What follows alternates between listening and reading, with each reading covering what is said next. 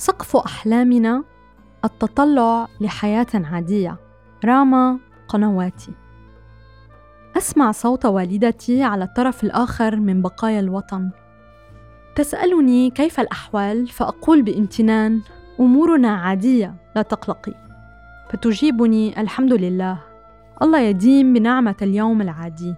مكالمة معتادة نجريها كل يوم عبر شبكة الإنترنت ونكرر فيها أمنيتنا المشتركة بيوم طبيعي إلى حد الملل.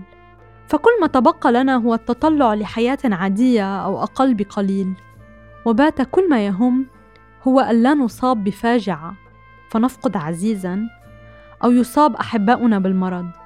أما خسارة العمل أو المعاناة من ضيق مادي أو شتات أو انتظار أوراق تثبت أننا كائنات بشرية يحق لنا ما يحق لغيرنا. وغيرها من الظروف التي اعتاد سكان الأرض على تصنيفها كظروف قاهرة فلا يعنينا من أمرها أكثر من اعتبارها هموما روتينية اعتيادية.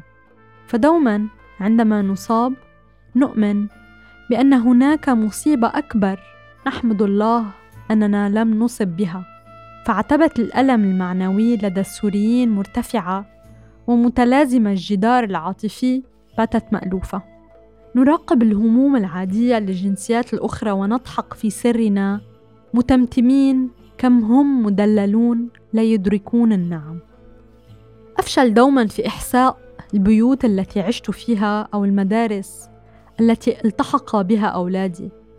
وفي حديث مكرر يسألني الأولاد دوما عن موعد رحلتنا القادمة وأدرك أن هذا هو الأثر الناجم عن الترحال.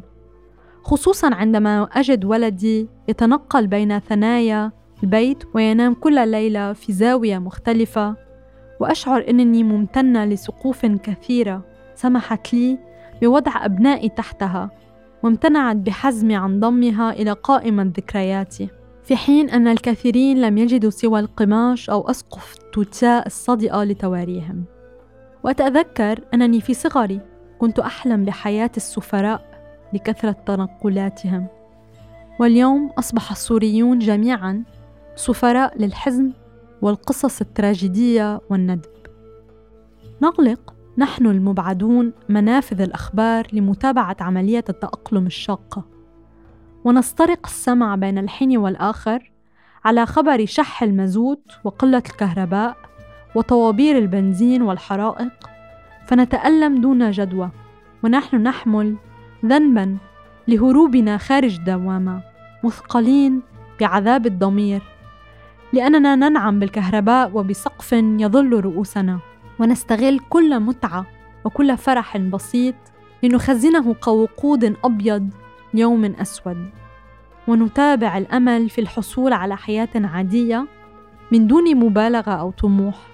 ممتنين لكل نعمة ندركها من حولنا ونعيش في النهار هنا وفي الليل نعيش هناك عند من تركنا خلفنا من أحبة أو ذكريات وأحلام وقبور.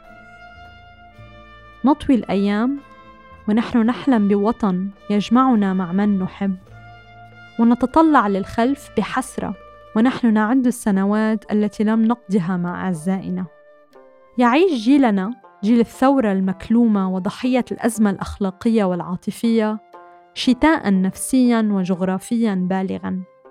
فلم تعد هناك عائلة لم تترامى أطرافها في منحنيات الأرض. فأكبر النعم وأجملها عندما تخترب عائلة بكاملها ويحط بها الرحال في بقعة واحدة محققة أقصى درجات الحلم. كل ما أرغب فيه اليوم هو الاحتفاظ برصيد إضافي لأيام أقضيها مع أهلي وأحبتي. وبضع نظرات مسترقة إلى السماء أتذكر فيها كم كنت أحلم.